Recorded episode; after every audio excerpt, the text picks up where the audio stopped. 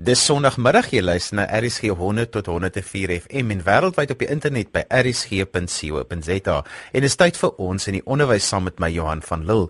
En vandag gesels ons oor alles wat 'n onderwysleier in gedagte moet hou by die aanstel van 'n pre-primêre onderwyser. Nou dit sluit aan by verlede Sondag se gesprek waar ons gepraat het oor die verskil tussen Montessori skole en gewone skole. En vandag het ek vir Wilna van Rooyen wat al jare lank hoof is van 'n pre-primêre skool om bietjie vir ons te vertel oor wat al die kompleksiteit feite is rondom die aanstel van 'n primêre onderwyser. Wil nou baie welkom by ons.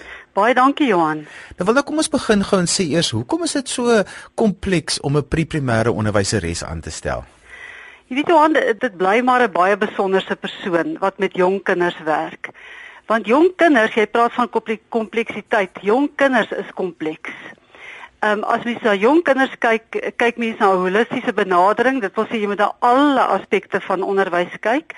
En jy kan nie op een ou dingetjie fokus nie. Daarom is die persoon wat mens sou aanstel, moet baie veelsidig wees. Want wil nou ons soek nie eintlik 'n regtig 'n juffrou nie. Ons soek 'n besonderse onderwyseres, nê? Nee. Dis reg, ja.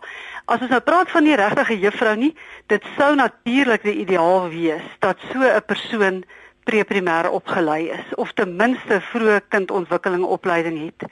Want die ou kindertjies, al is dit graad R, het 'n besonderse behoefte omdat hulle nog in 'n informele breinstadium is moet mense hulle op 'n spesiale manier benader. Want wil net met die wat die pre-primêre kurrikulum nou so deel vorm van die grondslagfase kurrikulum, verlore mense bietjie dit uit hulle visie uit dat dit eintlik 'n totale ander benadering is as wat in 'n graad 1 klas gevolg word. Johan, dis absoluut absoluut die waarheid. Jy weet baie keer dink mense, ag jy kan sommer hierdie juffrou was nou 'n graad 1 juffrou op 'n stadium of waar ook al in die, in die, in die skool en sy sal maklik kan aanpas by hierdie kleintjies en dit is wil ek vir jou sê nie die waarheid nie. En mens val maklik in daai 'n uh, uh, slaggat juis omdat dit nou 'n deel is van die kurrikulum, maar mens moet onthou daar is groot in die kurrikulum ook groot verskille graad R en graad 1 is ver verwyderd van mekaar. En wat baie maklik gebeur is dat ehm um, skooltjies 'n afgewaterde graad 1 klasie maak want hulle dink dis nou baie lekker as hulle nou die kinders allerlei formele goedjies leer. En as jy mooi na die kurrikulum kyk, verskil dit heel hemelsbreed van die graad 1 kurrikulum. En daarom sou so 'n persoon ook 'n baie deeglike kennis moet hê van die kurrikulum. Wil nou wat ook baie keer gebeur en as ek nou met hoofde praat dan sê hulle dis vir hulle nogal nie so moeilik om iemand vir graad 1 aan te stel nie, maar baie keer die persoon wat die aanstellings moet doen vir pre-primêr weet nie regtig wat in pre-primêr aangaan nie. So watter wenke het ons vir hoofde rondom dit? Ja. Weet jy, ek dink hoofde moet daar regtig gaan kers opsteek by mense wat pre-primêr opgelei is en wat by pre-primêre skole is en wat jy weet daai akkreditasie het want Daai mense wat met met die graad R werk byvoorbeeld. Die juffrou sê altyd ag ek is lief vir kinders. Nou ja, natuurlik is dit een van die vereistes. Maar dit gaan nie net oor liefde vir daai jong kind nie. Daar moet 'n hartlikheid wees, 'n warmte. Daardie kinders moet aanvaar word want jy weet, die graad R kind, daai seentjies begin ontwikkel. Hulle begin so bietjie rammetjie uitnek raak want hulle kom skielik agter hulle is mannetjies. En hulle wil dit graag vir die wêreld wys. En dis waar kundigheid inkom, want dit moet begelei en gelei word positief, maar dit moet nie doodgedruk word nie. En dit moet nie gesien word as hierdie kind is nou sommer regtig Hans nie. Dit is 'n ontwikkelingsfase waardeur hy moet gaan en waarvoor ons geweldige begrip moet voor moet hê. Anders maak ons sulke kindertjies baie seer in plaas van dat hy leergierig raak en graag wil skool toe gaan. Nou Wilna, jy net nou so 'n bietjie begin verwys dan na so bryf ons 'n bietjie uit oor hoe moet so 'n persoon lyk wat ideaal binne 'n pre-primêre omgewing sal inpas. Ja. Ek wil nou weer sê, weet dat die opleiding dink ek is daarvan groot belang, maar as mens nou nie iemand het wat regtig pre-primêr opgelei is nie, dan sal mens moet kyk dat so 'n persoon bereid is om na te lees om te gaan kyk maar hoe lyk hierdie voorskoolse kind? Wat is sy behoeftes? Want hy lyk baie anders as die graad 1 kind. Hierna 6, 7 en selfs tussen 7 en 8 is daar breinontwikkeling wat plaasvind en dan uh, raak daardie kind gereed vir formele onderrig, maar voor daardie stadium is hy nog nie reg daarvoor nie. En as ons dan te vroeg begin met formele onderrig, dan stel ons die kind eintlik negatief in en ons maak dat hy eintlik later ehm um, slegter vaar as die kind wat gewag het tot hy gereed is vir uh, formele onderrig en dit moet die juffrou weet. Nou wil ek vir iets anders vra. Daar's soveel mense wat 'n educare opleiding het. Kan hulle byvoorbeeld graad R gee of nie?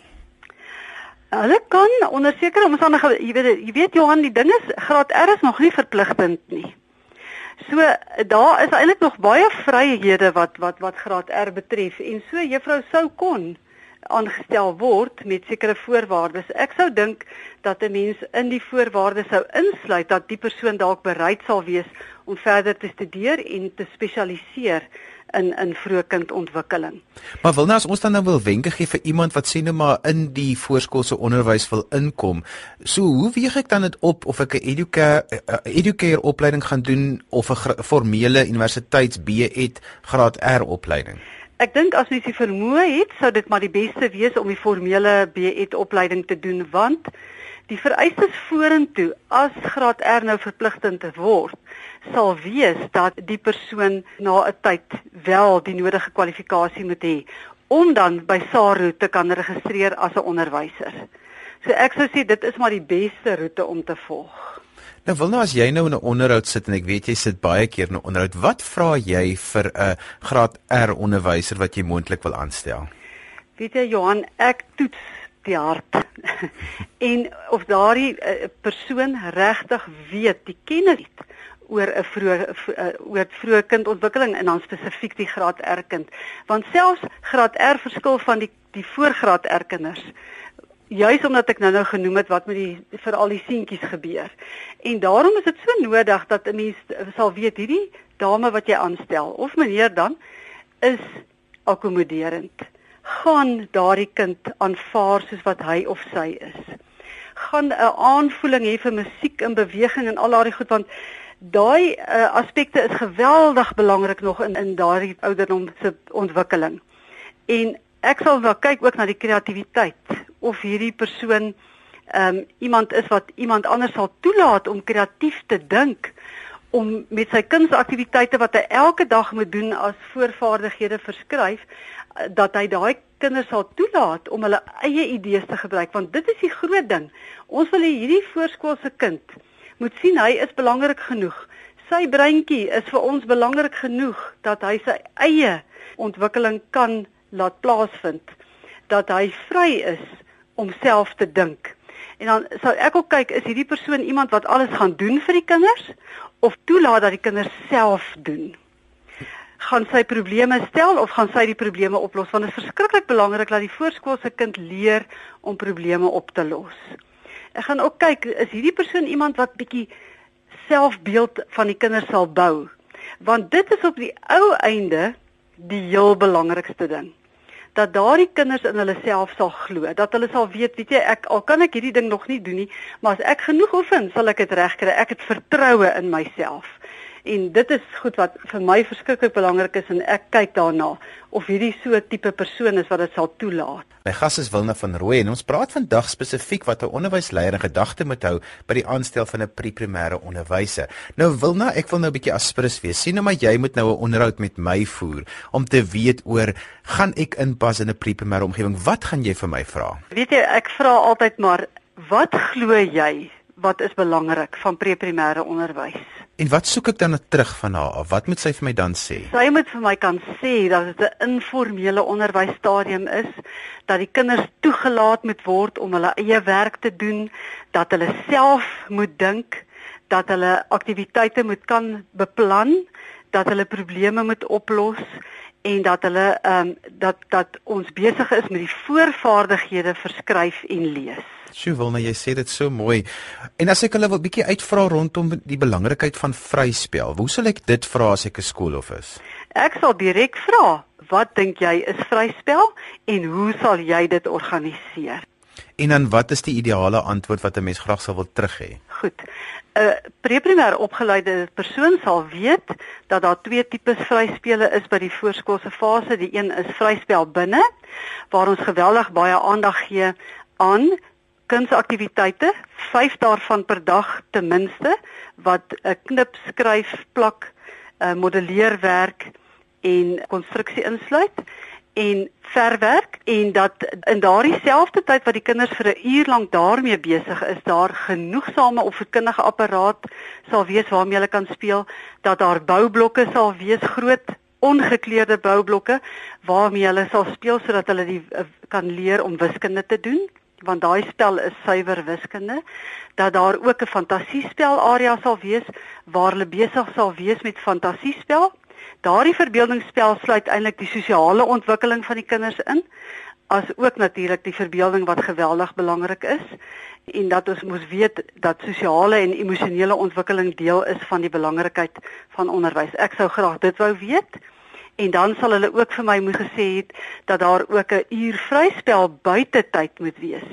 In daardie tyd weer het ons sandspel en waterspel wat ook wiskunde is en wetenskap en dat hulle daar ook wielspeelgoed sal hê wat elke dag moet afwissel sodat daar uh, tye is wanneer hulle kan trap, tye wanneer hulle uh, wielspeelgoed kan stoot of dit kan rondtrek sodat al die spiertjies 'n beurt kry om te ontwikkel. Dat daar ook gedurende daardie tyd spel is waar hulle kreatief besig kan wees, ook opvoedkundige apparaat en ook fantasiespel, maar dat daar dan baie geleentheid sal wees vir klim en klouter en ander klein speletjies met balle en springtoue wat ons dan gebruik om die kinders te stimuleer. So dis belangrik vir die skoolhoof om die onderwyseres se praktiese kennis eintlik te toets. Beslis, want as daardie persoon nie daai kennis het nie, gaan sy baie moeilik die dagprogram verstaan. Wil nou iets wat ek nou al opgetel het en ek is ook nou al jare betrokke by voorskoolse onderwys is dat mense baie keer dink as iemand nou vriendelik is met die kinders en hulle kan saam met die kinders speel dat hulle so terspeelenderwys gaan gereed word vir skool toe gaan. Wat is die kompleksiteite rondom dit? Kyk, dit is natuurlik belangrik dat die persoon vriendelik sal wees en ook bereid sal wees om saam met die kinders te speel, maar ja, die voorskoolse kind leer juis deur spel.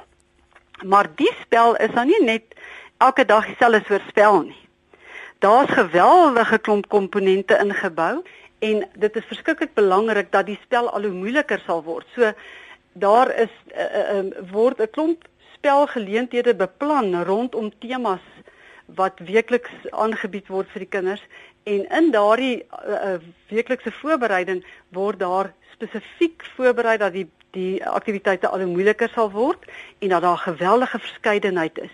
En natuurlik moet so 'n persoon dan ook besef hoe ongelooflik belangrik taal is. Want taal moet ons juis by elke aktiwiteit voeg want dit is daardie taalverrykende uh, aktiwiteite wat ons doen wat op die ou einde bepaal hoe goed 'n kind gaan lees en skryf. En daarom sal so juffrou ook nog buiten al die spelery en al hierdie ander goed wat ek genoem het, moet lief wees vir liedjies en versies en stories want dit is ook uh, die die wonderlike geleenthede waar 'n mens vir die kinders taal uh, en woordeskat kan aanleer. Wilne, watse probleme veroorsaak dit wanneer jy iemand aanstel in pre-primêr wat eintlik 'n grondslagfase juffrou wou wees? Weet jy Johan, ek is self 'n getuie daarvan. Die grondslagfase juffrou dink sy weet wat aangaan voor skool en dit is waar mense fout maak al is dit 'n lieflike, pragtige, begaafde juffrou mens moet eintlik heeltemal 'n kop skuif maak en net besluit, weet jy, ek weet niks van die kleintjies af nie. Ek moet oor begin leer van hulle. Want anders maak mens regtig wat ek vroeër ook genoem het, 'n afgewaterde graad 1 klas. En as mens dit doen, is ek verskriklik jammer kry jy leeruitvalle later by op graad 3 en graad 6 vlak en dan wonder mens waar kom dit vandaan want dit is verskriklik belangrik dat mens by die jong kinders groot metodies sal werk, fyn metodies, perseptueel. So daai perseptueel metodiese vaardighede moet verskriklik goed gefestig en geoefen word en herhaal word voordat 'n kindjie eintlik die formele onderwys betree. Wil nou wat mens baie in die skole kry is dat die graad R in die pre-primêre skool is heeltemal apart van die gewone skool. Met ander woorde, hy funksioneer ook so klein bietjie apart. Nou in 'n gewone skool dan weet die hoof hoe moet hy sy personeel saamstel en so ietsie van alles te hê. Hoe lyk daai ietsie van alles op jou personeelkorps binne in 'n pre-primêre skool? Jy meen die die verskillende persoonlikhede van Ja, wat jy nodig het om dit te laat werk. Ja. Weet jy, daardie persone moet eintlik almal 'n paar gemeenskaplike faktore hê. Hulle moet weet dat hulle besig is met kleintjies wat nog op 'n sekere manier hanteer moet word. En gewoonlik het mens die mense wat regtig lief is vir daai deel van die onderwys het verskillende komponente eh, wat hulle mekaar ondersteun. Maar in die klasse is hulle baie keer die mense, jy weet, wat wat regtig die regte goed doen wat weet dat hierdie kinders holisties moet ontwikkel. So ons kan nie net fokus op net lees of net skryf of so ietsie.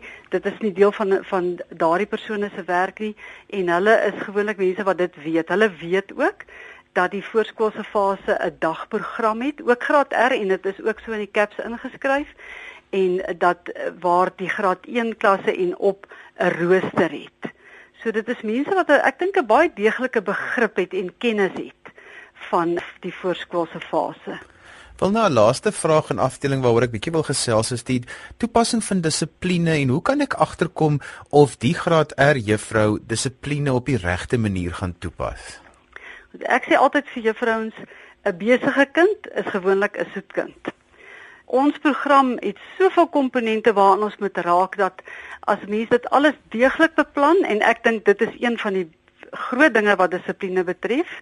Hoe beter 'n mens se beplanning en voorbereiding is, hoe meer gereed is jy om daardie kinders te ontvang en 'n kind is vir alle voorskoolse kind is baie slim. As hulle daar instap, weet hulle dadelik of juffrou weet wat hier aangaan en of sy weet wat hulle vandag moet doen. As sy nie baie goed voorberei is nie, is daar onmiddellik 'n onrustigheid en dan raak kinders stout. So ek sê een van die grootste dinge is dat die juffrou deeglik voorberei moet wees. Haar ons het altyd gepraat van lesgereedheid. Haar klas moet die vorige dag met al die aktiwiteite alreeds uitgesit word. Sodat as daai kindertjies daar instap, moet sy nie rondskarrel en dink, "O, oh, waar is die verf?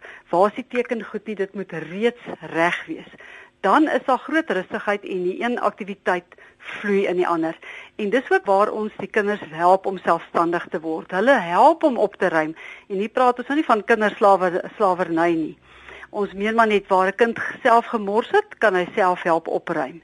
En dit uh, help natuurlik ook met die dissipline. Dan is dit nie net juffrou wat rondskarrel om alles weer op hulle plekke te kry nie. Die kinders is doelgerig besig daarmee. As 'n kindjie hom nou regtig nie kan gedra nie, um, is al wat ons maar kan doen is om hom so 'n bietjie te onttrek en te sê hier's nou 'n rustige plekkie vir jou om te sit of lees 'n boekie of ietsie en raak rustig tot hy weer kan saamspeel. 'n Kind hou nie daarvan nie. Hulle hou nie daarvan om uit die spel onttrek te word nie. So hulle sal baie gou agterkom, nee, maar weet jy wat, as ek lekker wil speel, dan moet ek liewerster saamwerk. Ek is so bly jy begin by die woord beplanning wil nou want baie keer as jy so vraag vra vir 'n voornemende persoon wat jy wil aanstel dan kom hulle met allerlei ander goed maar hulle kom nie regtig uit by dit wat belangrik is nie en goeie beplanning maak gehoorsame kinders. Dis absoluut so. Wilna, jy is nou die hoof van 'n pre-primêre skool. Wat is die uitdagings vir jou in die bedryf voordat ons groet? Weet jy, ek is so geseënd Johan by my skool het ek nou regtig juffrouens wat pre-primêr opgelei is en wat ongelooflike voorbereiding doen. Ek het nou die dag vir hulle gesê, ek wens ek kan hulle beplanning net so vat en vir die hele land se mense wys. So ek is regtig daar baie geseënd en ek dink dit kan een van die grootste uitdagings wees as mens mense het wat jou nie kan ondersteun nie en wat nie 'n deeglike kennis het van die jong kind nie. Dink ek skarrel mense nogal erg rond om hulle in daardie ritme te kry van hoe die dagprogram behoort te verloop. Dis dan al waarvoor ons tyd het vandag. Wilna baie dankie dat jy jou kennis met ons gedeel het. Dit was vir my een groot voorreg. Baie dankie Johan.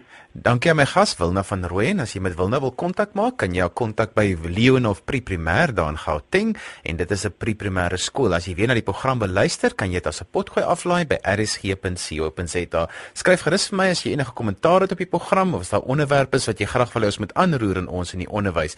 My e-posadres is Johan@wwd.co.za. Dis Johan@wwd.co.za. Of stuur 'n SMS aan 3343 teen R1.50 per SMS gratis met te tel nie. daarmee groet ek dan tot volgende Sondag van my Johan van Lille totsiens